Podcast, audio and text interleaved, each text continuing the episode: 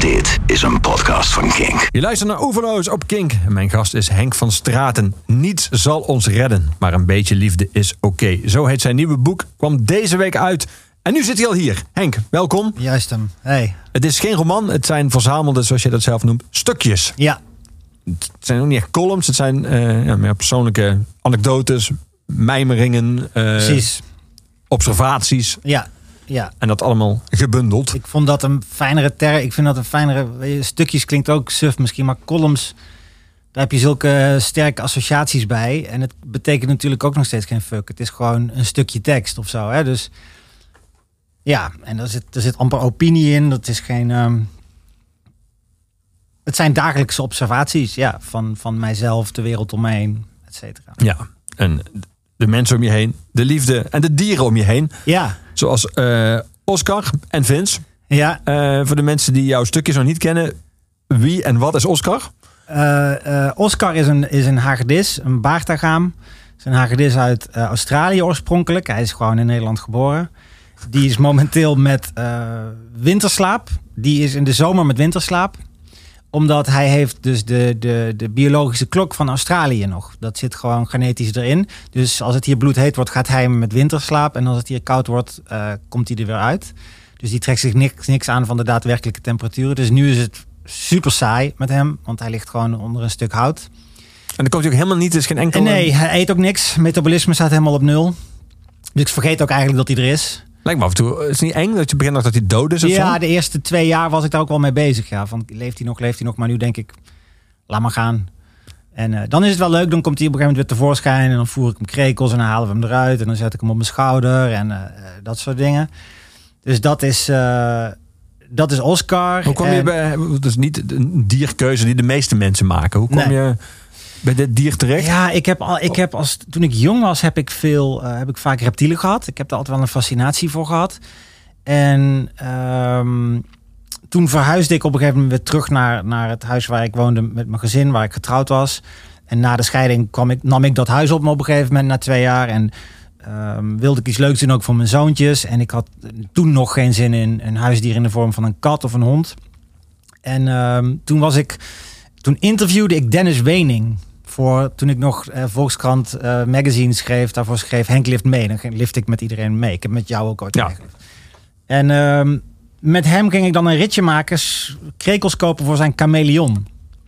En eh, dus toen reden we naar zo'n speciaalzaak in Den, Bo- in Den Haag, waar hij woont. En daar hadden ze zoveel vette reptielen en zo. En toen werd ik een beetje daardoor bevangen. En toen zei ik, ik zou ook alweer een hagedis misschien willen. En nou ja, die verkopen natuurlijk meteen van... oh, maar dan moet u de baard gaan nemen, want die zijn hartstikke tam en leuk. En toen kreeg ik die natuurlijk eentje op mijn arm.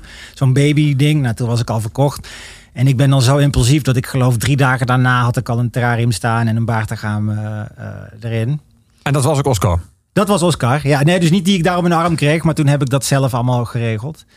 En eh, ja, sindsdien heb ik dus een, een hagedis. En nu heb ik sinds anderhalve maand heb ik eh, een, een hond, een ex-zwerver, dus ex-zwerver uit Spanje, Malaga, van drie jaar oud. Die, dat is Vinny. En die, dat is een half pitbull, half podenco eh, gebeuren. Dus die heeft de pit van een pitbull en, en het, het jachtinstinct van zo'n podenco. Dus dat is soms best lastig om die in het gareel te houden. En als je zegt jachtinstinct en ik denk aan dat andere dier in je huis, gaat dat goed samen? Nee, dat zou onmiddellijk, die, die hagedis zou meteen opgevroten worden. Oh. Ja, dus dat, daar zit glas tussen, gelukkig.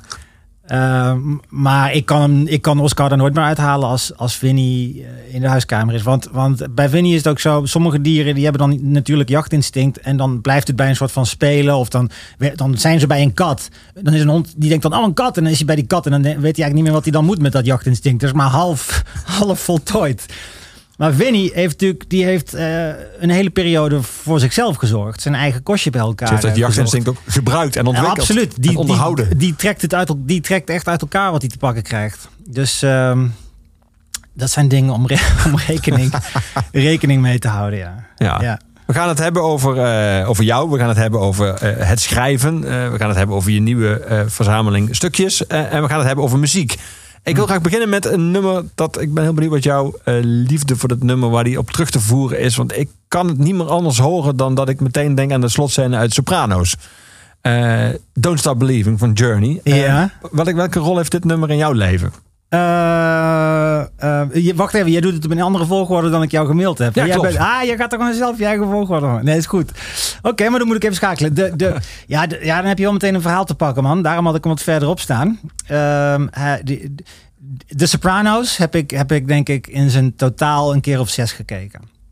En het is zover gekomen dat als ik die serie te lang niet gekeken heb, eh, dan, dan ga ik de personages, en met name Tony Soprano, ga ik missen. Zoals je een vriend lang niet gezien hebt of iemand en je, hebt gewoon weer zin om, om die te zien. En een, dusdanige eh, rol is Tony Soprano voor mij gaan spelen. Dus dan moet ik, ga ik het weer helemaal kijken. En ja, ik vind die, die eindscène, vind ik, ik denk de, de, beste eindscène van, van welke film of, of, serie dan ook. En ik kan niet eens precies uitleggen waarom, maar dat, dat nummer heeft daar een enorm grote eh, rol in. En daarna is er nog een, soort- is een soort heel bizar moment geweest in mijn leven waarop ik. ehm, dat thema gaan we maar verder misschien nog niet op in hoor, want dat is wel ingewikkeld. Ik heb een aantal keer ayahuasca gedaan. Dat is een hallucinogeen middel. Dat neem je in een soort van ceremoniële setting. En dat is heel sterk hallucinogeen. Een heftig, intens middel. En de, de, de eerste keer dat ik dat spul nam en het sloeg ook echt aan. En ik, ik ging dus to hell and back was ik geweest. En in Rotterdam en ik kom terug thuis en ik was daar zo van onder de indruk. En ik was, ik was ook heel clear-headed juist tegelijkertijd, maar en rustig. En ik, en ik, ja, dat, ik nam dat nog helemaal met me mee. Dat gevoel zat nog helemaal erin. En het, ik, ik wilde niet thuis gaan zitten. TV kijken was stom. eh, De, computer aanzetten was stom. Dat leek allemaal artificieel en verkeerd. Dus wat ik deed, ik, ik, het enige wat ik kon gaan doen was wandelen. Dus ik ben, ik ben een wandeling gaan maken door het bos naar Waalre bij ons, een dorp bij ons in de buurt. En ik loop door dat bos. En er was een lenteochtend, een, een, eh, een, een winter, een winterdag, maar zonnig. En koud en zonnig. En ik loop door dat bos, gewoon dus in de natuur. En je hoort de bomen ruisen. En opeens hoor ik, just a small town boy. En dus ik dacht, maar ben ik nou aan het hallucineren? Of, of hoe, hoe kan dit nummer nou ineens? Want ik zat ook in die sfeer. Dus zoals dat einde van de Sopranos, die sfeer, had ik ook naar die ayahuasca. Want ik kwam daar vandaan. Het was het einde van die trip. En ik, ik liep verder en het werd, het werd ook duidelijker, dat geluid. Dus ik dacht, maar dit, hoe kan dit nou? En toen kwam ik die boom uit en dan was daar een groot ven. En dat was helemaal bevroren. En dat was vol met schaatsers. Dat was een soort... Gewoon, iedereen was daar aan het schaatsen in de zon. En iemand had een fucking ghetto blaster op het ijs staan met Don't Stop Believing. En toen moest ik huilen daar. Toen, eh, toen ben ik naar het ijs gelopen, heb ik dat ijs aangeraakt. En met die muziek erbij en toen moest ik huilen. Dus sindsdien is dat, eh, ja, is dat, een, heel, is dat een heel bijzonder nummer van. Ja, dat snap ik. Laten we naar gaan luisteren. Yes.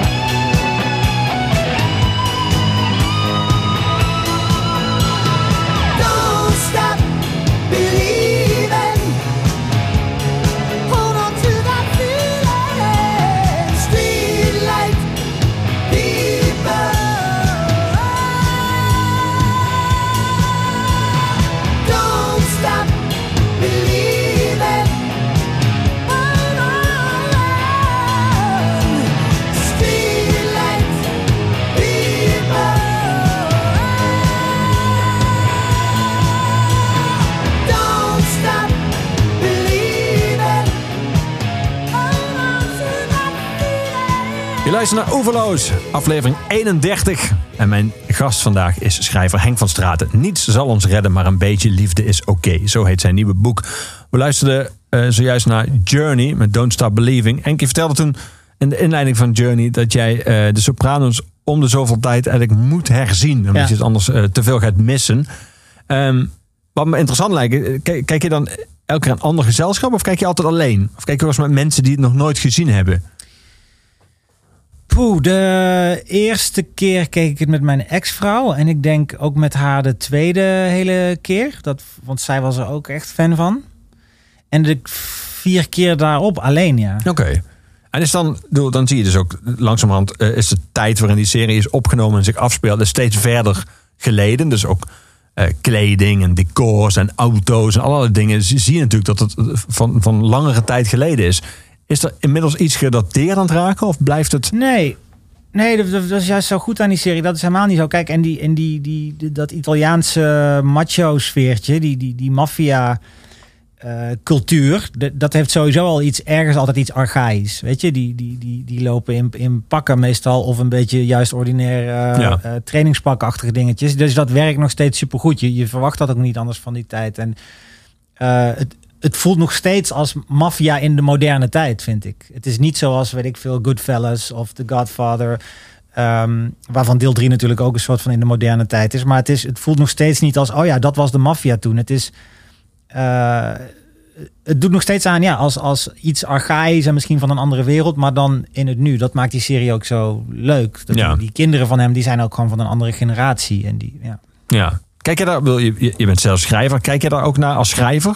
Vind je ook Ja. zo hoe het gespeeld is en hoe de verhaal, vind je het ook gewoon goed geschreven? Ja, absoluut. De, de, de, hoe het geschreven is, de, de, de psychologie daarachter. Hoe ze die personages uit de verf laten komen. Hoe complex ze Tony Soprano maken. Hoe goed je hem leert kennen. Als eh, zijn brein ook. Hè. En je, je blijft...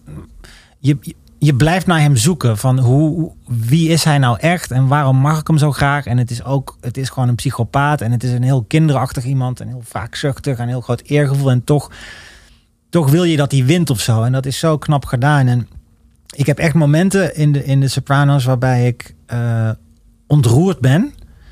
Maar dan is het niet zoals je vaak hebt bij ontroering bij een film, omdat die scène sentimenteel is. Eh, of mooi, of dan komen er mensen bij elkaar, of dan weet ik veel. Ik, ik kan echt ontroerd raken bij de Sopranos om hoe goed ik een bepaalde scène vind op dat moment. Of een, weet je, dat er dan iets wordt gezegd en een soort wending of tussen hem en zijn vrouw. En denk ik, dit is zo fucking goed gemaakt. En dan, dan die schoonheid daarvan ontroert me. Maar is, die, is dat ook af en toe een andere? Want als je het zes keer hebt gezien eh, en je bent zelf natuurlijk ook in al die jaren veranderd, kan ik me voorstellen dat soms sommige scènes bij jou anders werken nu dan jaren geleden. En. Ja, ja je, ziet, je, ziet, je ziet natuurlijk, je ziet soms nieuwe dingen. En eh, je, kijkt ook uit, je ziet uit naar de scènes die je gewoon inmiddels heel goed kent. En daar zit je dan ook eh, op te wachten, weet je. Ehm, ja, dus ik ga die serie steeds beter kennen. Ik zie niet per se echt steeds nieuwe dingen. Het is een soort... Het is een wereld waar ik weer in ondergedompeld wil zijn. Ja. Dat, ik kan dat gevoel nergens mee vergelijken. Als ik de- dat gevoel van de Sopranos kijk. Dat, is, dat gaat zo... eh, Ook niet bij, is- ook geen roman of romancyclus of zo die dat bij jou oproept? Nee, en, en dat, komt door, dat komt door hem, door James Gandolfini. De, eh, hoe hij die rol acteert. Hij, hij is zo fysiek ook. Zijn ademhaling, je hoort hem ademen, je ziet dat grote lijf. Eh, ja, ik, ja dus ik weet niet hoe het komt, man. Ik kan zelfs ontroerd raken van het feit dat James Gandolfini zo goed Tony Soprano is gaan acteren. Het eerste seizoen is nog zoeken, dat zie je echt een beetje, ook qua montage trouwens. Dat is echt, se- seizoen 1 wijkt echt af van de rest. Dan zijn ze nog enorm aan het zoeken naar de juiste vorm. Maar hoe, hoe hij die Tony Soprano is geworden. En dan lees je ook dingen over op de set en, en wat voor iemand hij zelf was. Hè. James Gandolfini eigenlijk gewoon een vrachtwagenchauffeur. Ook echt iemand uit New Jersey, volksjongen. En nooit gedacht dat hij de leading rol zou krijgen. Hij ging auditie doen. Hij denkt, ik word natuurlijk weer zoals al zijn kleine kutrolletjes tot die tijd. In, voor die tijd eh, word ik als een of andere deur, weet je. Iemand die, die, die het geld komt in eh, ge- gecast. En hij wordt gewoon eh, tegen alle verwachtingen in, wordt hij, wordt hij de baas van de familie. En hij, ja, en heeft daarmee gewoon een van de meest legendarische rollen ooit neergezet. En dat, zie je, dat vind ik al ontroerend. Dat, Ja. daar kan ik al sentimenteel van raken. Dat, dat hij die rol kreeg. Ja. Dus alles daaraan vind ik, vind ik eh, eh, mooi. Ja. En ik, ik heb natuurlijk ook wel eens nagedacht over wat, wat zit daar nou en wat, wat, eh, wat is die fascinatie. En wat je bij mij wel, wat ik inmiddels al ben gaan, gaan begrijpen, ook qua thematiek in mijn eigen werk, wat altijd terugkomt. En dat is toch, dat, dat is toch iets van ook mannelijkheid en machismo. Ehm, dat houdt me enorm bezig. Altijd al. En, en dat komt ook steeds terug in mijn boeken. Ehm, en zo'n Tony Soprano is natuurlijk ook is, is in zoveel opzicht ook de man die ik niet ben. Maar bijvoorbeeld ook de man die mijn vader totaal niet was. En, en ergens, ben, daar ben ik natuurlijk in principe blij mee. Want je hebt liever, mijn vader was een vrij artistieke man. En eh, heeft nog nooit iemand in zijn hele leven op zijn gezicht geslagen of zo. Hè. Dat zijn eigenlijk dingen waarvan je moet zeggen: fijn dat je zo'n vader hebt. Ja. Dat is- en dat is ook zo, maar toch. Maar, Ehm, maar, maar toch zit- wat? Is hij een soort oerman, Tony Soprano? Het, gaat verder dan Oerman. Het heeft te maken met onbevreesdheid, denk ik. Onbevreesdheid. Eh, iets doen op het moment dat het gedaan moet worden, ondanks eh, de risico's die je loopt. Ook het dierlijke. Het dierlijke aspect. Het, eh, eh, ik ben gefascineerd door, door hoe een man een andere man kan aankijken en iets gewonnen heeft al. Die, die kracht die daarvan uitgaat. Wat in zo'n blik kan staan. Ja. Als het nou matter wordt, maar ook al ben je sterker, maakt me niet uit. Ik blijf net zo lang op je, op je inhameren en als je wint is het ook goed. Weet Ja. je, die, die, die, die balans tussen vernedering, fysieke kracht, ehm, je mannetje staan. En eh, ik, ik, vind, ik vind dat een soort spanningsveld dat ik gewoon altijd interessant heb gevonden. Leer je je kinderen dat ze nooit terug moeten slaan, dat ze altijd naar de juf gaan meteen of naar de politie. Ja, in principe wel. Dat is, dat is toch een beetje wat de samenleving van je vraagt. Maar vind ik dat echt? In de wereld van Tony, Tony Soprano zijn ze dan een snitch. dan zijn ze een snitch. En ook Ja. gewoon, eh, ik, ergens is het ook gewoon zo, als iemand jou slaat, map je hem gewoon, map je hem gewoon terug. Eh, dat is ook zo. Weet je? En, ehm, maar daar ligt vernedering weer op de loer. Want als je dat je kind leert, hè, als hij jou slaat, dan sla je hem terug. En iemand slaat hem en hij slaat niet terug. Dan voelt hij zich vernederd en een zwakkeling. Terwijl als hij geleerd heeft, je moet nooit terugslaan. Hij gaat netjes naar de leraar, dan heeft hij het juiste gedaan of zo. Ja. Maar die vernedering moet je ook niet onderschatten. En wat doet meer pijn? Wat doet, wat... Als jij een paar goede tikken hebt gehad, maar je hebt teruggevochten, dan word je de volgende ochtend niet vernederd wakker. Dan denk je gewoon, ik heb pijn aan mijn kaak. Maar die, die pijn van vernedering is denk ik veel erger. Nou ja, dat soort dingen. Ja.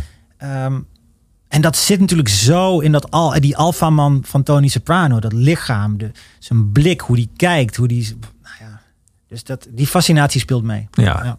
We gaan daar verder praten. We gaan muziek draaien nu. Eh, De Weaker Dance. Wat, vertel eens over deze band. Ja, ik zat sowieso te, te denken aan, dit, aan de muziek die ik had uitgekozen voor dit lijstje. Want ik heb er niet heel erg over nagedacht. Ik dacht meer gewoon, ik ga nou eens gewoon dingen uitkiezen die, die ik lekker vind klinken ook of zo.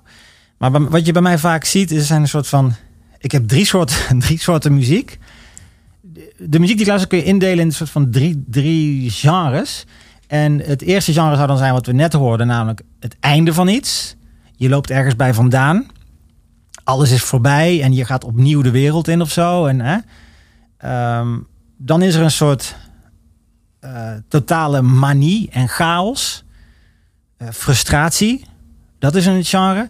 Boze en je vaak. hebt, ja, dus, dus, dus gekte en, en, en ehm, depressie en, en, en dat soort dingen. En, en je hebt de muziek die eigenlijk een emotie oproept die ik het liefst veel meer zou hebben. Namelijk, het is allemaal wel gewoon oké. De dag is oké. ik ben ontspannen. We zien wel. En ik ken die emotie niet. Hij zijn de Eh, Weaker Zens. Als je het zo vertelt. Ja, ja precies. Ja, en The Weekend Dance, dat is zo'n, dat is zo'n net als Kurt Weill bijvoorbeeld. Dat Ja. is van die muziek die, dan denk ik, dit, ah, dit is een gemoedstoestand die ik, dat is de- dat is de muzikale vertaling van de gemoedstoestand die ik graag wat, wat meer zou hebben. Kalmte. Ja, soepel, soepel, kalm, op je gemak. Ja.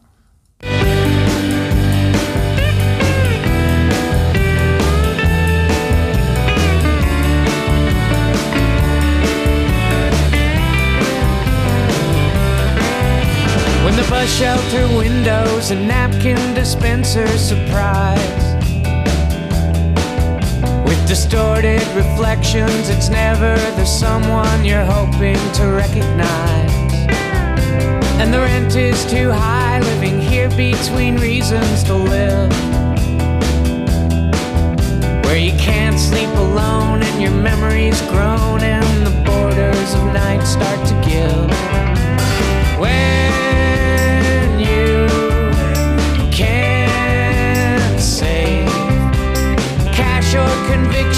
broken, you're breaking a tired shoelace or a wave. So long past past due, a new name for everything.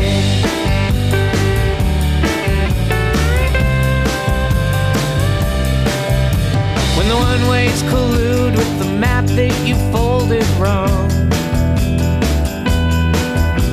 And the route you abandoned is always the path that you probably should be upon. When the bottle cap ashtrays and intimates ears are all full. With results of your breath and the threads of your fear are unfurled with the tiniest pull. One more time, try. Stand with your hands in your pockets and stare at the smudge on a newspaper sky. And ask it to rain a new name for everything.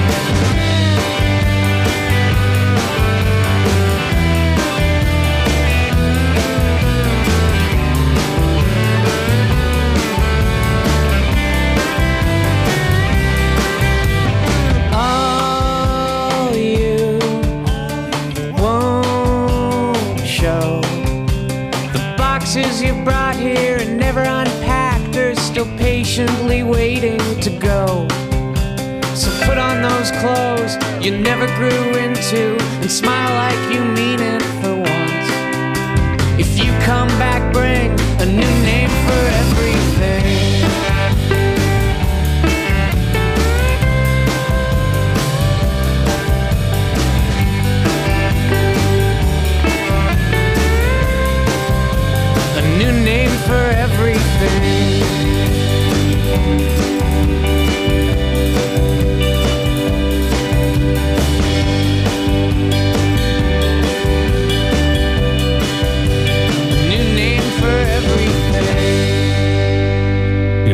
Oeverloos op Kink. Mijn gast is Henk van Straten. Niets zal ons redden, maar een beetje liefde is oké. Zo heet zijn nieuwe boek.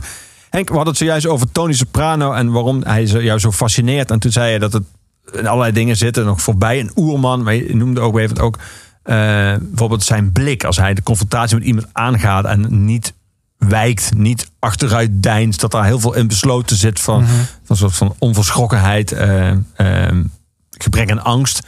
Ehm, er zit een in, jouw eh, in jouw boek, een van de stukjes in jouw boek, eh, waar jij aan het fietsen bent op een gegeven moment. eh, en dan een, voor jou een, een, een echtpaar ook aan het fietsen is, van begin 40, met allebei een effe felgekleurd jasje, een vliesjasje aan.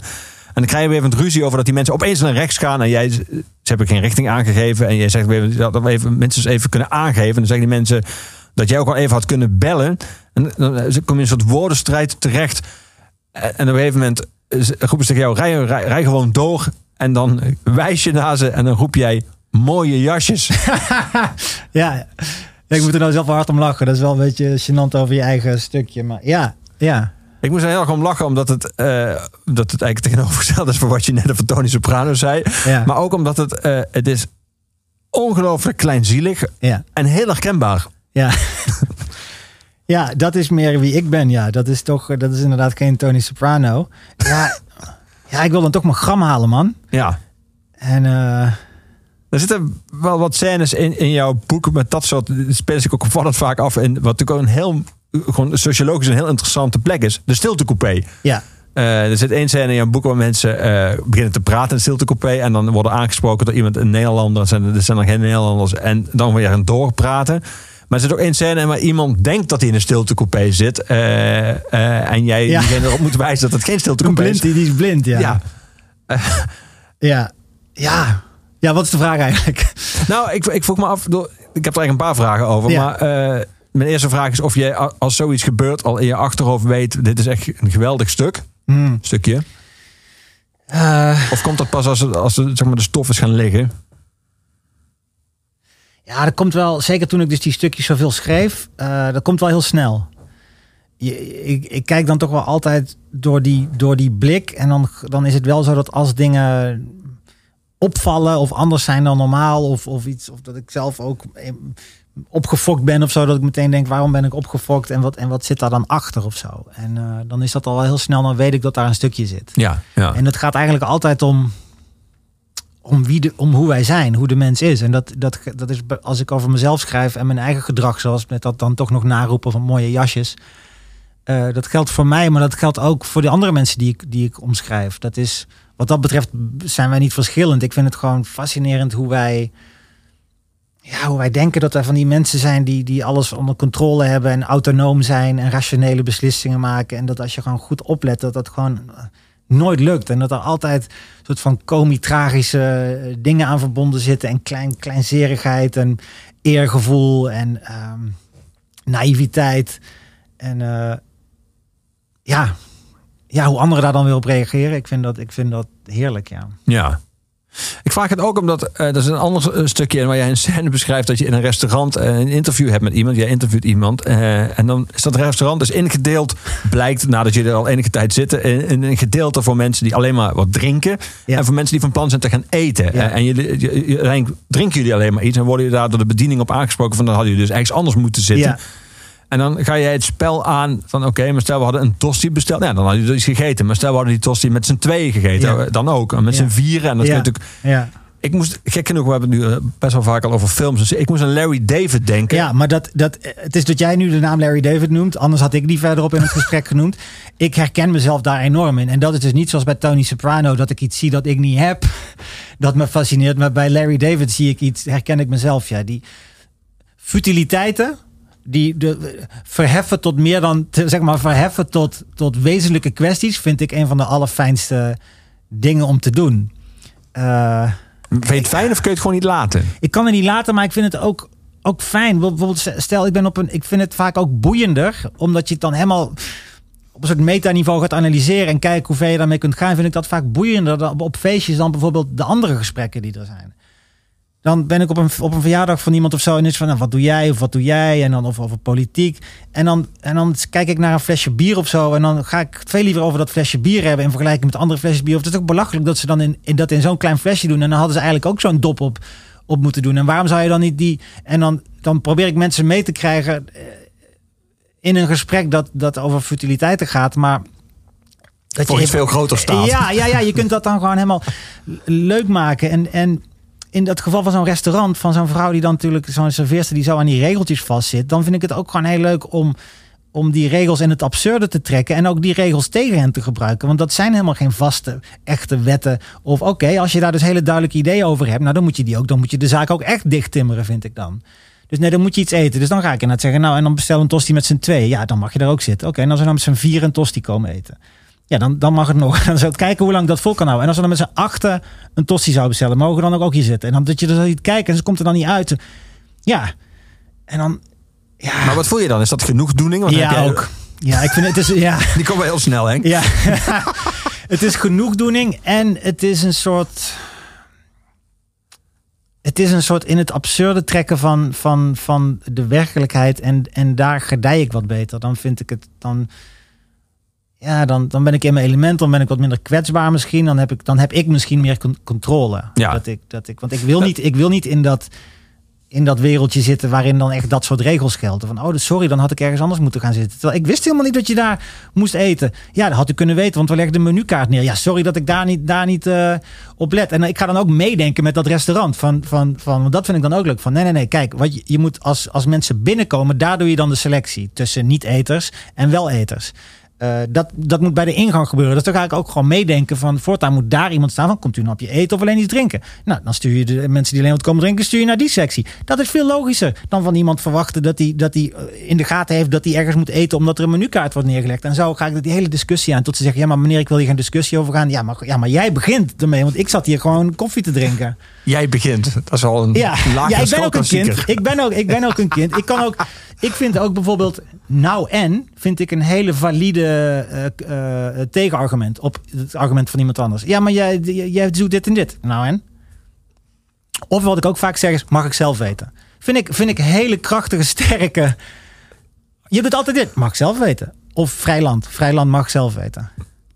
Einde discussie. Ik zit nu in het kijken naar het volgende nummer dat jij geselecteerd. Dat heet gewoon Human Condition. Dat kan toch Ja. geen toeval zijn? hè? Ja, ja nee, nee, dat heb ik, heb ik helemaal zo uitgedacht. Ja, ja van John Wayne. Eh, ja, dat, dat, eh, hij rapt heerlijk. Eh, of wilde je het daarna over hebben?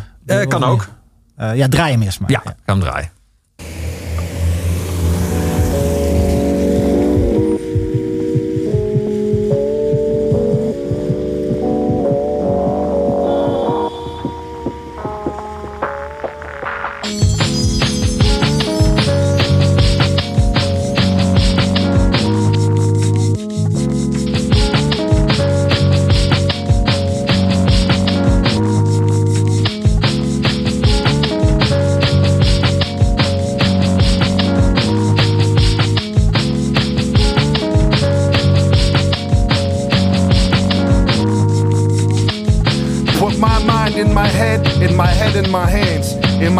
On this body, in my body on land. In this land on this earth, in this earth in the system. In the system, in my thoughts, in my thoughts and the wishes. And these wishes are just dreams. These dreams are just goals. These goals make a man wanna be more than that. And the ghosts just laugh and hope that I don't pass. This is an ode to my opposition. I know my flow's full of contradiction. And good luck getting the right brain to play with the left. But hand over breast, I'm gonna try long as plant life sustaining my breath. The very same God used for badminton with death. That hot smog riddled Los Angeles breath. That hard, heavy, hitting old Anakin breath. In opposition, get that old mannequin rest. Cause after this, they know there's no more expanding the chest. Like,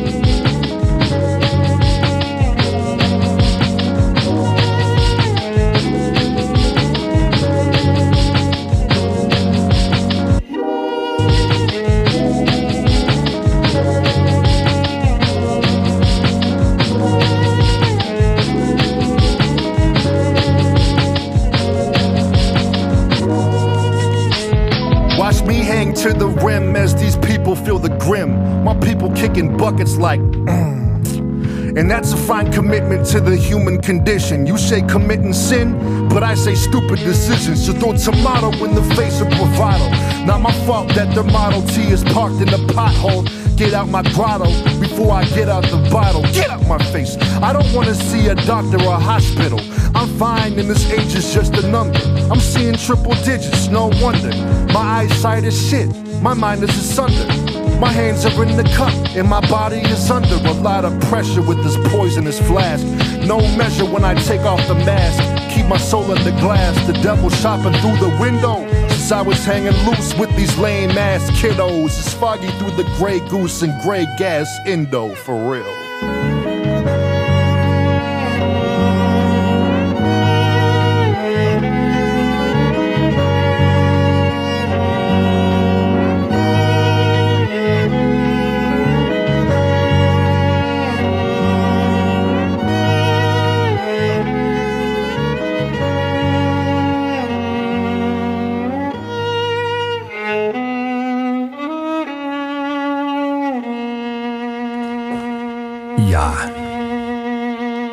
Human Condition. John Wayne. Fraai einde. Was een keuze van eh, Henk van Straten. Ehm, je zei, ik wil er iets over zeggen voor dat nummer. Ja, nee, dat was eigenlijk gelul. Nou ja, en die, Nee, ja, ik vind hem, hij, eh, dat, is, dat is ook weer die categorie, gewoon die middencategorie hè, van die drie genres die ik noemde. Zo van dit is gewoon goed, het leven is goed, het is fijn, het is relaxed. En hij zingt ook zo heel fysiek over zijn geest en zijn lichaam en hoe hij dat op de wereld manifesteert. En eh, zijn dictie vind ik super lekker. Zo'n zo'n stem die gewoon, waar je dan jaloers op wordt, dat je ook, ook zo, zo zou willen kunnen praten of zo. Ik heb heel snel mijn bewondering voor anderen, vaak mannen, dat is, dat is vaak gekoppeld aan ik zou dat ook willen zijn. Eh, ja, dus ik weet nooit waar het een begint en waar het andere eh, ophoudt. Maar bewonder je het dan of ben je ook jaloers? Ja, dat is dus een dubbel. Dat is allebei. Ja. Ja, en dat heb ik heel snel. Ik vroeg dat net, ehm, toen we het over eh, Larry David situaties hadden. eh, dat vroeg ik ook, die scène eh, in, het, in het restaurant waar je dan blijkt te zitten. Een plek waar je ha- Ja. eten had moeten bestellen. En dat is een gevoel wat ik regelmatig, wat regelmatig terugkomt bij het lezen van jouw stukjes. Is, is de vraag, hebt natuurlijk heel vaak situaties dat je vindt dat je in je recht staat in, je, in, je, in het leven. En dat je denkt, nou, laat maar. Ja. Eh, waarom Larry David volgens mij zo geniaal is, dat hij overal een punt van Ja. maakt. Ook van dingen van andere mensen denken, je, je hebt eigenlijk wel gelijk, Ja. maar ik zou het nu zelf niet opeisen. Eh, als je dat wel doet, als je overal waar je vindt dat je in je recht staat, dat recht op probeert te halen, heb je best wel heb je een, heb je een spannend leven, maar heb je ook een, een zeker zin een vermoeiend leven. Dat je heel vaak dan te maken krijgt met mensen die vinden dat zij gelijk hebben. En, eh, eh, en dan kom je in zo'n Ja. soort conflict terecht. Eh, of dan wrijft het, of dan schuurt het, Ja. of dan wordt het ongemakkelijk, of dan wordt er iets benoemd wat anderen zeggen, nou dat vind ik ook, maar dat had ik dan niet hardop gezegd of zoiets. Ja. Ehm, is, dat- is dat voor jou wel uit te zetten? Of kun jij zeg maar je momenten kiezen waarop je dat, dat wel aangaat en niet? Of, of zit dat gewoon in jouw systeem dat je, zoals je net zei, als je op zo'n feest bent, ik, ik ga niet hebben over de kinderen en, het, en, en, en, de baan, maar ik ga gewoon een flesje bier eens even aangrijpen. Ja. Om, eh, Ja. Nee, ik kan dat niet echt uitzetten. En om op je eerdere vraag terug te komen, ja, dat kost heel veel energie. Omdat het komt ook voort uit toch wel ongemak, onrust.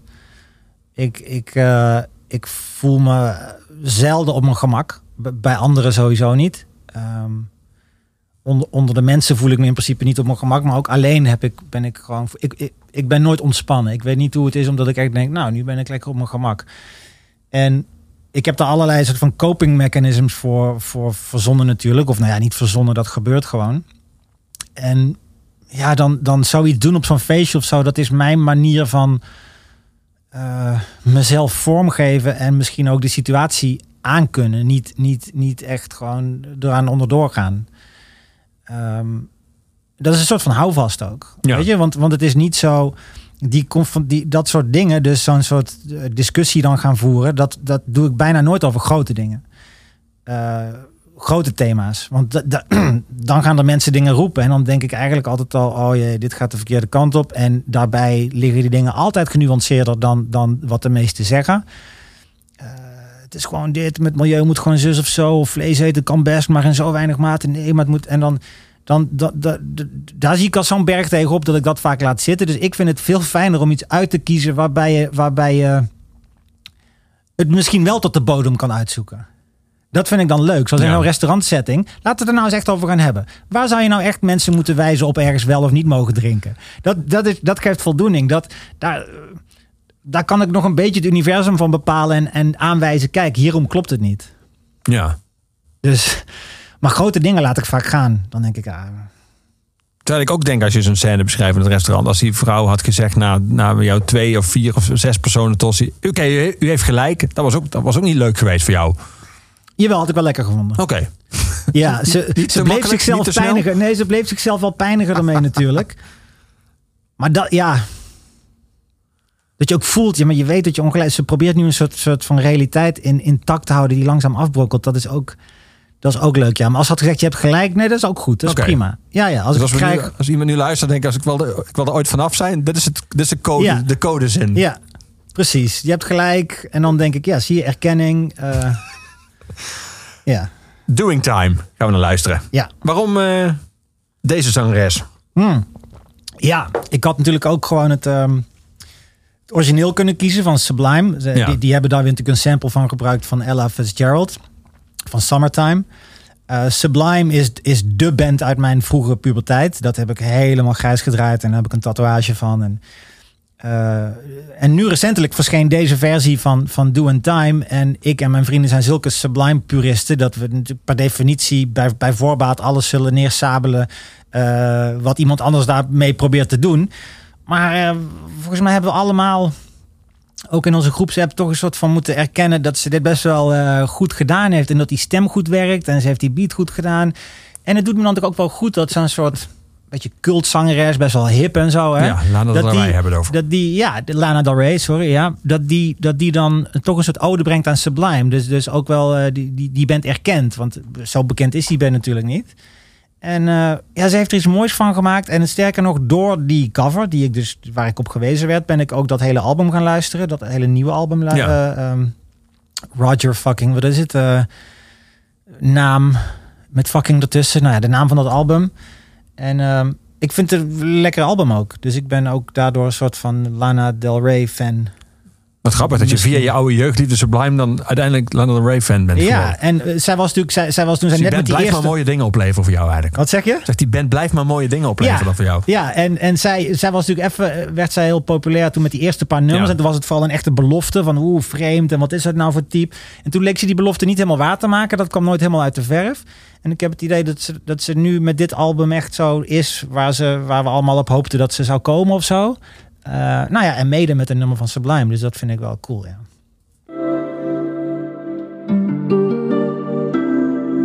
Summertime and the living's easy.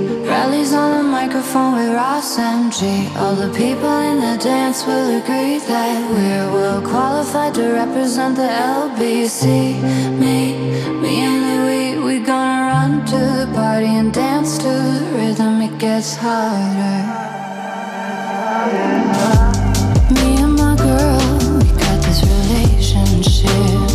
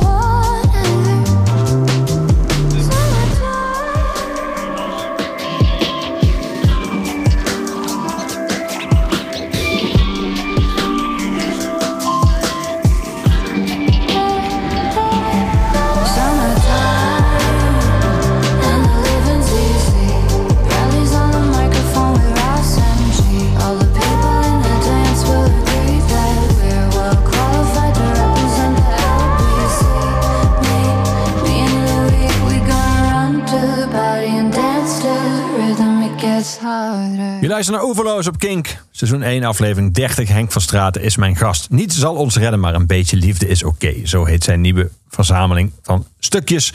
Van allerlei losse... Uh, nou, uiteindelijk als je ze achter elkaar leest, is er wel een soort grote samenhang natuurlijk. Maar ze zijn ze niet begonnen. Ze zijn begonnen als echt losse, losse stukken. Ja, het, ja, samenhang in die zin dat, dat, dat mijn stijl is vrij herkenbaar. En het is, het is een beetje hoe ik naar de wereld kijk. En, en je leert mij kennen in verschillende facetten, zoals in dat restaurant. Waardoor Ja. ik ook in, in zekere mate wel een personage word. Maar het- ik vind het toch wel echt een bundel. Alleen ja, ik, Zeker, ik schreef deze stukjes. Ik schrijf er nu bijna geen meer. Dit is ook een soort echt van een soort van letterlijk een kaft eromheen en eh voorlopig even klaar.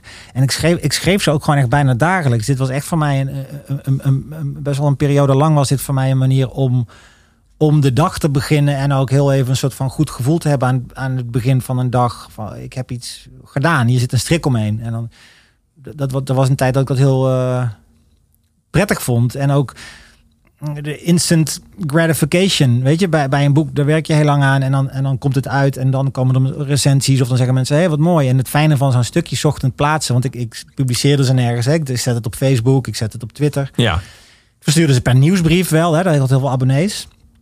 Eh, dus dan publiceerde ik zo'n stukje en dan, dan ging ik de rest van de dag mijn andere dingen doen. Of gewoon betaalde klussen voor, voor tijdschriften of wat dan ook. En dan de hele dag door komen zo een beetje die likes binnen. Een mooi stukje. En dus dat... dat eh, ja, dat je meteen een beetje die erkenning krijgt ook van... oké, ik heb iets moois gemaakt. Dus eigenlijk zo'n proces van een boek heel erg uitgespreid. Inclusief de reactie erop. En dit was Ja. allemaal zo gecomprimeerd in een dag.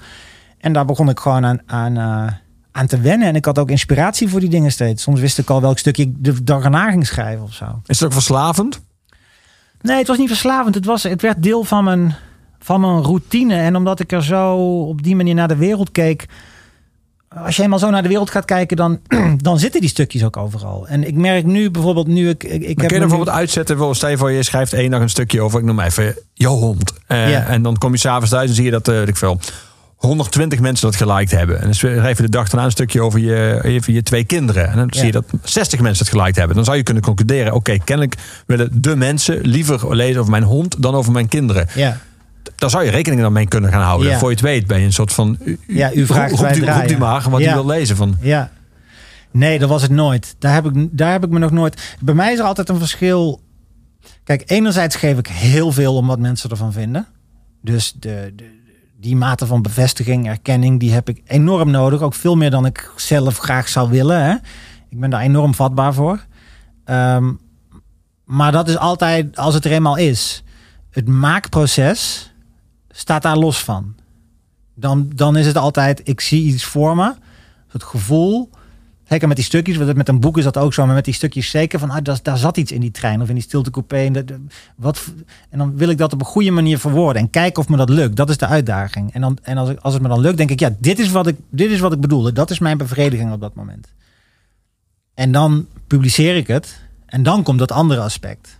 Dus dan, ga ik, dan geef ik wel iets om wat, wat mensen ervan vinden. En, en dan ben ik ook zo'n neurotisch man of dat luistert zo nauw. Want als ik dan bijvoorbeeld een compliment krijg, maar niet het compliment dat ik graag zou willen krijgen, dan baal ik er dus nog van. Hè?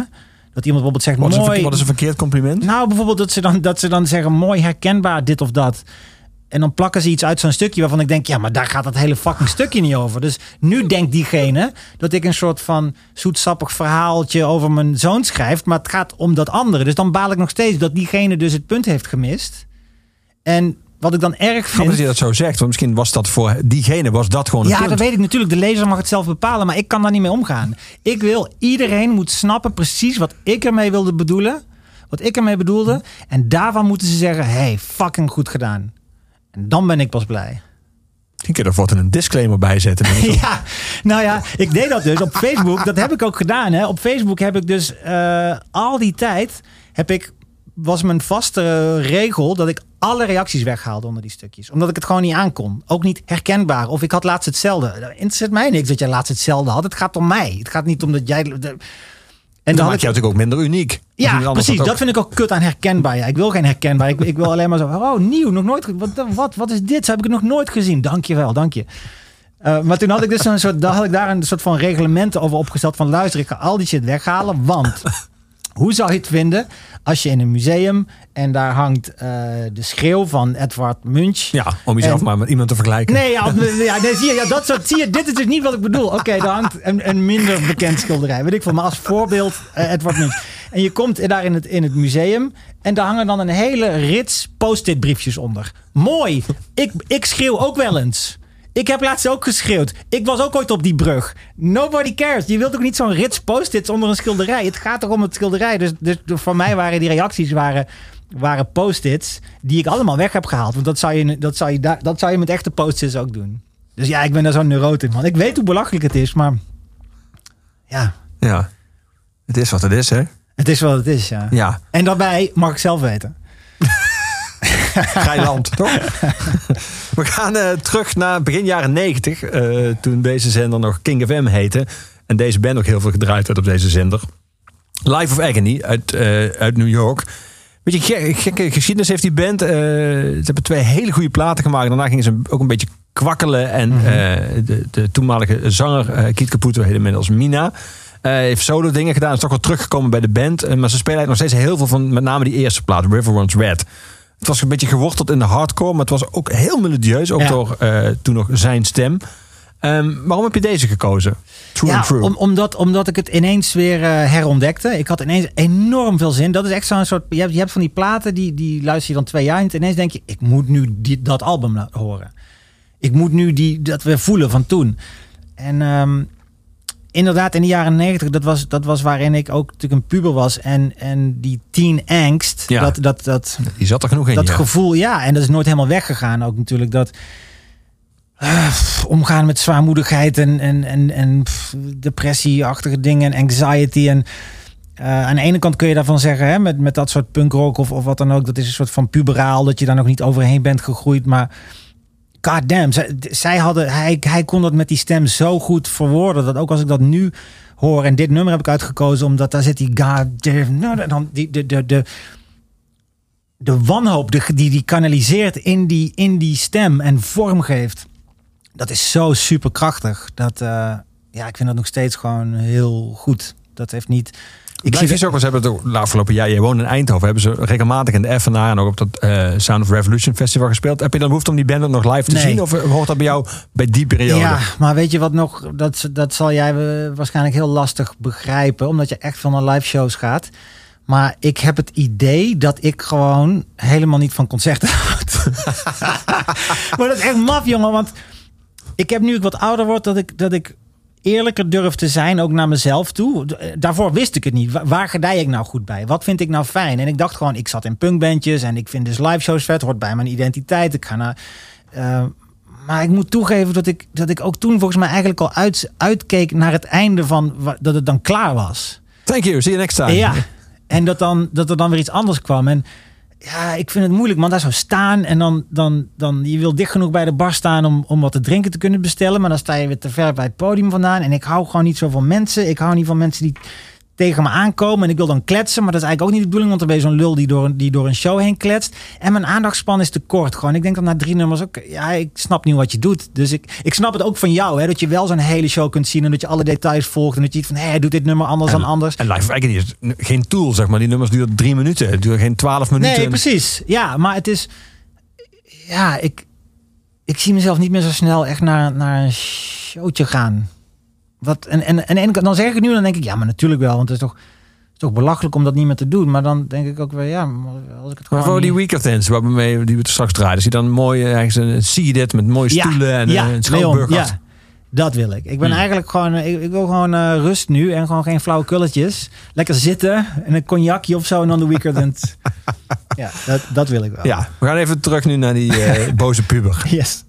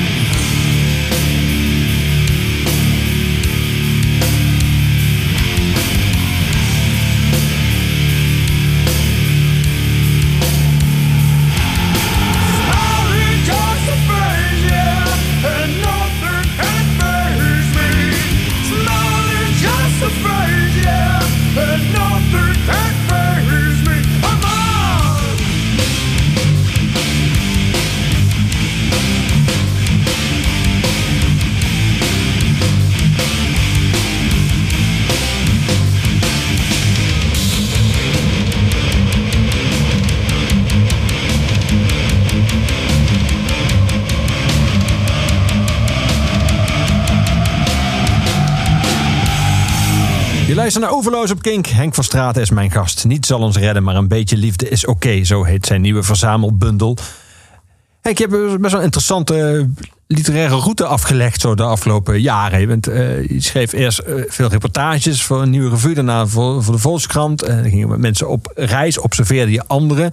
Eh, je schreef romans. Daarna is jouw werk eigenlijk veel autobiografischer geworden. Eh, Ja. Daarna ben je leek, een soort van, van de lange, groot opgezette romans van even afgestapt en meer naar korter werk gaan. En nu lijkt het bij een soort van. Je hebt nu ook een novelle eh, uit. Ben je nu weer op de weg terug naar de grote roman met drie hoofdletters? Of, of eh, Eh, de grote rond drie, ik moet even denken, de drie hoofdletters, ja. ja, de ja, ja, ja, ik snap hem nu. Ja. Ehm, ja. Ja. Ja, dat is wel aan de hand, ja. Ik, ik ben met iets eh, veel, eh, met iets groots bezig. En dat merk ik ook. Dus ik heb een idee en ik, en ik voel ook, Jesus, dat, wordt, dat, is, dat is heel veel werk en dat is krankzinnig. En dat, ja, een gedrocht van een boek wordt dat. Een soort meerkoppig monster. En ehm, daarom schrijf ik nu ook geen stukjes meer. Omdat die, dat, dat proces werkt nog wel. Maar dat, dat heeft zich helemaal toegespitst eh, op dat boek. Dus als ik nu overdag op dingetjes kom, of, of de- dan ga ik eigenlijk meteen kijken hoe krijg ik die in dat boek ge, ge- getetrist bijna. Van, En dat het- boek, dat boek is een roman. ja, maar ook. Ja, dat wordt heel, wordt heel ingewikkeld. Er wordt, het wordt, het wordt half, eh, half fictie, half roman. En eh, voor de helft haast. Het gaat. Maar, hoe ga ik dit uitleggen? Het, het, het hoofdpersonage schrijft een biografie. Dat is dus, dus daar is hij mee bezig. Eh, dus het boek zelf is geen biografie, maar je leest over een personage dat een biografie wil schrijven. En dat die biografie gaat over een vriend van hem, die is overleden, die heeft zelfmoord gepleegd. Ehm, en dat, dat is weer gebaseerd op iemand die ik, die ik kende. Van The Devil's Blood. Ehm, Celine. Selim, ja. Eh, dus in dat autobiografie, of de, in dat biografische stukje probeer ik dat zoveel mogelijk te baseren op de herinneringen die ik aan hem heb en de, de informatie die ik kan vinden.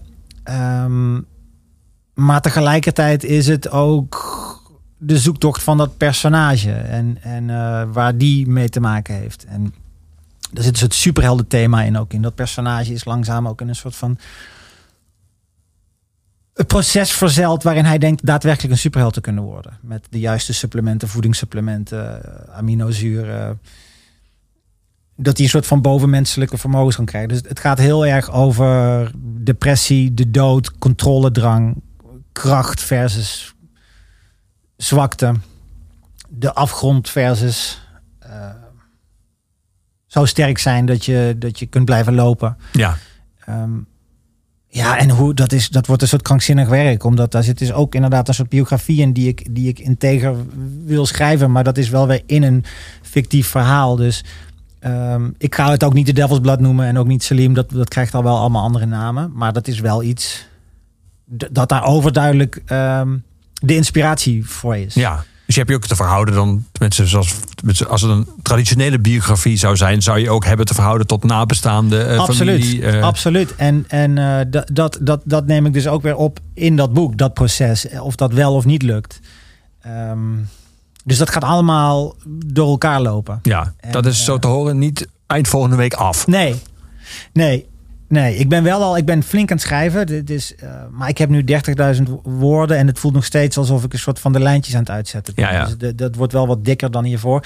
Maar ik wil ook inderdaad echt wel weer fictie schrijven. En dat is ook wa- waarom ik Maar had je dit Ja. even nodig, deze, ja, het is een beetje onerbiedig om het omweg te noemen. Het heeft ook enkele boeken opgeleverd en ook die boeken weer prijzen en, en nieuwe Ja. lezers enzovoort, enzovoort. Maar het is, zeg maar, als je het beschouwt, eh, eh, fictie is het, je bent een soort van ander pad ingeslagen en weer teruggekomen. Dus eigenlijk ben Ja. Terwijl dat klopt. Dat klopt. Als, je, als je echt gaat kijken naar die eerste boeken, die, die natuurlijk, ja, die zijn een soort van verdwenen in of eh, naar achter gegaan, geschoven in de, in de vergetelheid. Een beetje de meeste mensen die mij anno nu kennen, qua als, schrijver, die zullen mij eerder associëren nu met memoires, Ja. die memoirenvorm, Ja. eh, dan met fictie. Ehm, ja, en hoe dat zo gelopen. Het is toen met de jeugd begonnen. Ik zag daar ook gewoon een verhaal in. Zo simpel was het. En, en de, de aanpak was in die zin niet anders dan, dan fictie. Het was, je hebt materiaal en daar doe je iets mee. Alleen in dit geval was het materiaal uit mijn jeugdherinneringen geplukt. En zo ben, is dat, is dat memoire genre mij een beetje... Dat ging me goed af of zo. Eh, maar nu voel ik juist na die twee boeken, en vooral dat tweede boek, bericht uit het tussenhuisje, dat over best de wel een donkere de tijd ging. van je eh, scheiding. Ja, ja. Eenzaamheid en gedoe. En, en dat, ik, dat ik ook heel sterk de behoefte voel. Heeft, nou ja, daar ben ik best wel van geschrokken, de nasleep. Dat heeft toch allemaal wel wat meer indruk gemaakt eh, dan ik op dat moment dacht. Dat heeft best wel wat consequenties gehad. En eh, destijds had ik juist het idee, ik wil het rauw doen, ik wil het eerlijk doen, want daar zit de kracht in van dit, van dit boek. En ik wil dat juist niet gaan verbloemen in een soort sleutelroman, want dat vond ik op dat moment ook juist een soort van zwaktebod. En nu met dit boek denk ik weer, nou ja, ik, ik heb er even genoeg van dat het echt over mij gaat. En, en ik heb ook gewoon weer zin om dat alles kan. Om, om shit te gaan verzinnen, om gewoon weer dingen te laten gebeuren. Gewoon, heb eh, je, heb je genoeg van, even van, überhaupt van jezelf eh, als, als eh, personage? Of heb je genoeg van alles wat het betekent als je over jezelf en de mensen in je omgeving schrijft? Namelijk dat je voor alles moet verantwoorden, dat alles Ja. consequenties heeft, dat alles één op één op jou vol terug te voeren. Ja. En- allebei. Oké. Nou, Ja, lijkt me genoeg reden om weer de fictie kant op te gaan voorlopig. ja, Ja. ja. Ehm, we gaan naar eh, Danny Brown luisteren. Ja. Ain't it funny? Waarom deze? Dat is, weer, dat is hetzelfde eigenlijk als ehm, eh, Life of Agony, maar dan is dit in de hip-hop kant. Daar zit weer die totale waanzin in van iemand die aanmerkbaar eh, moeite heeft met het leven. En in dit geval van Danny Brown verslavingen. Ehm, en die daar toch ook op een soort creatieve manier eh, vorm aan weet te geven. Maar in, het geval van dit nummer ook, ook met een soort van manie. Dus eigenlijk de keerzijde van, hè, vaak is het bij mensen, je- bent heel erg down en je probeert jezelf overeind te houden, maar soms ben je ook gewoon een soort van, ah, in die, in, juist dan doe je het juist met, met een soort manisch. En dat zit hier al in. Hij heeft ook een soort mooi soort cynisme met dat ene funny. Ene funny how it happens. Dit is, en met dat gekke stemmetje van hem. Het is een soort clown, maar je voelt ook, als je dat clownsgezicht eraf haalt, is het allemaal niet zo prettig daar. Dus een steengoed album, dat hele album. En dit is, eh, dit, dit is een heel vet manisch nummer.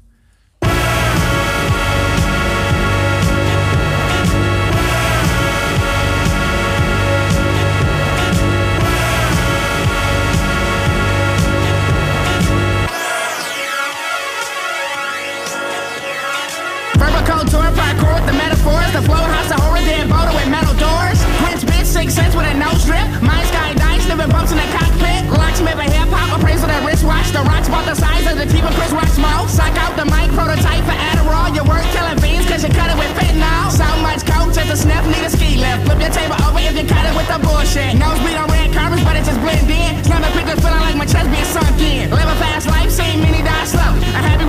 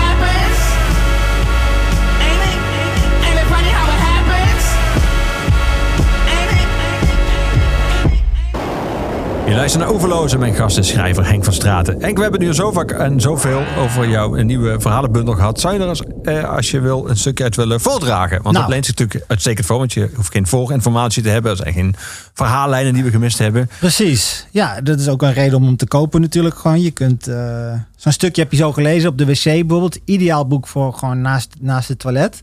Afhankelijk van je stoelgang één stukje lezen, twee stukjes. Dus dat is, dat is perfect daarvoor.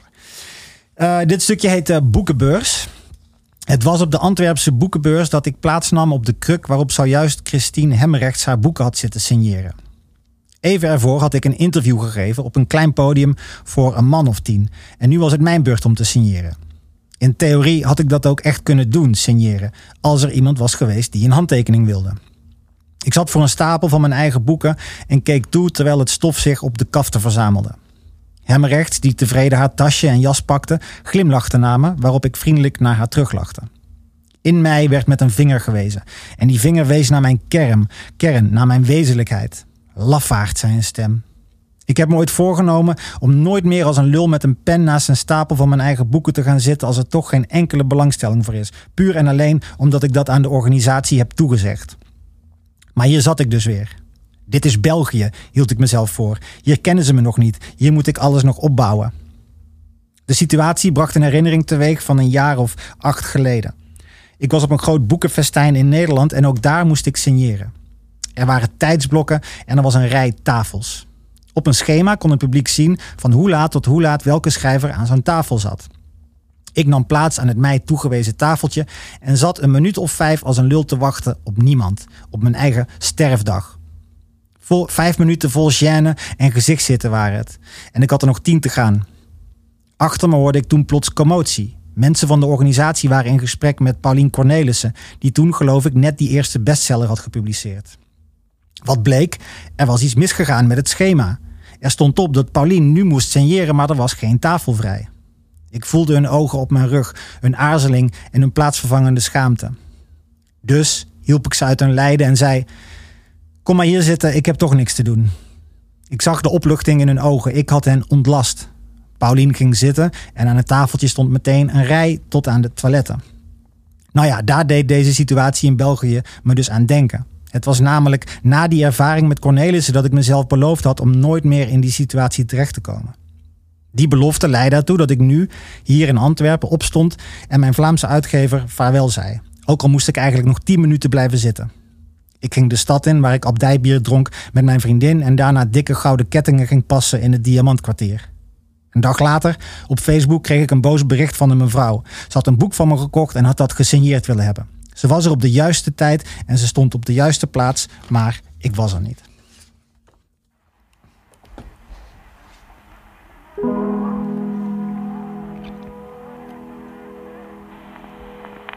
True love will find you in the end. You'll find out just who was your friend. Don't be sad, I know you will. But don't give up until true love will find you in the end. This is a promise with a catch. Only if you're looking can it find you. Cause true love is searching too. But how can it recognize you? Unless you step out into the light, the light. Don't be sad, I know you will. Don't give up until true love finds you in the end.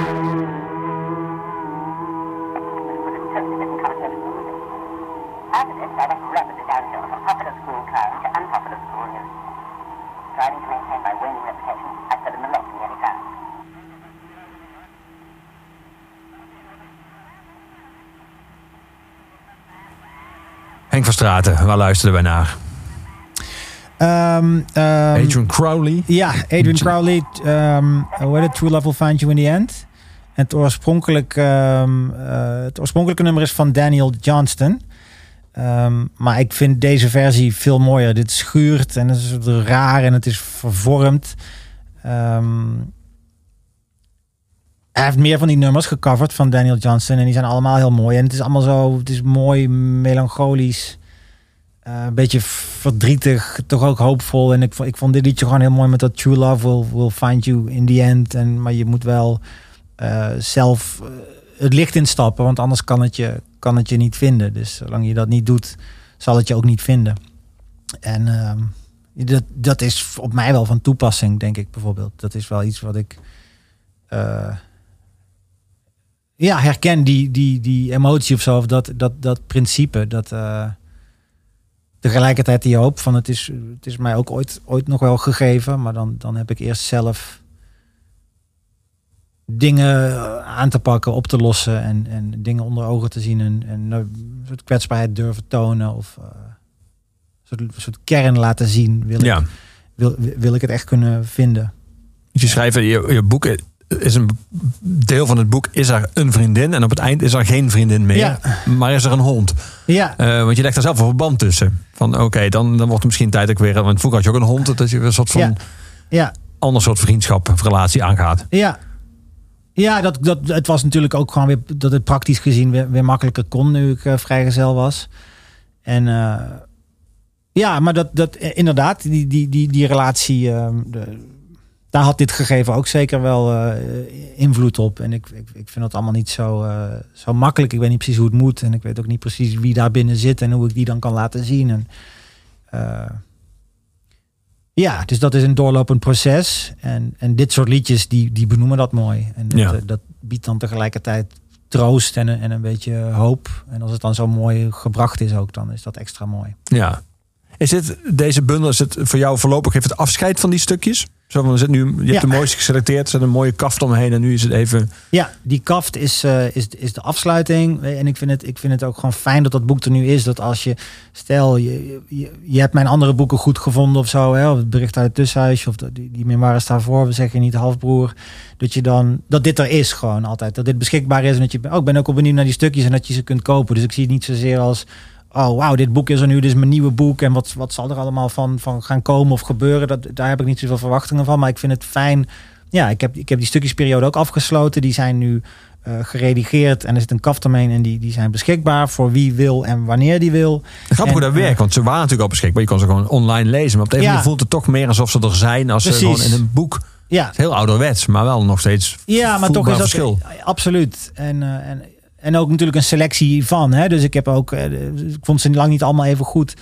Eh, dus dit zijn de stukjes die ik dan graag wil, wil laten lezen. En, en, eh, maar nu, nu, ja, nu, nu ben ik opgeslokt door dat, door, dat, door dat nieuwe boek. En dat, dat is raar, want dat valt me tegelijkertijd heel zwaar ook. Het, is, het wordt denk ik mijn zwaarste boek.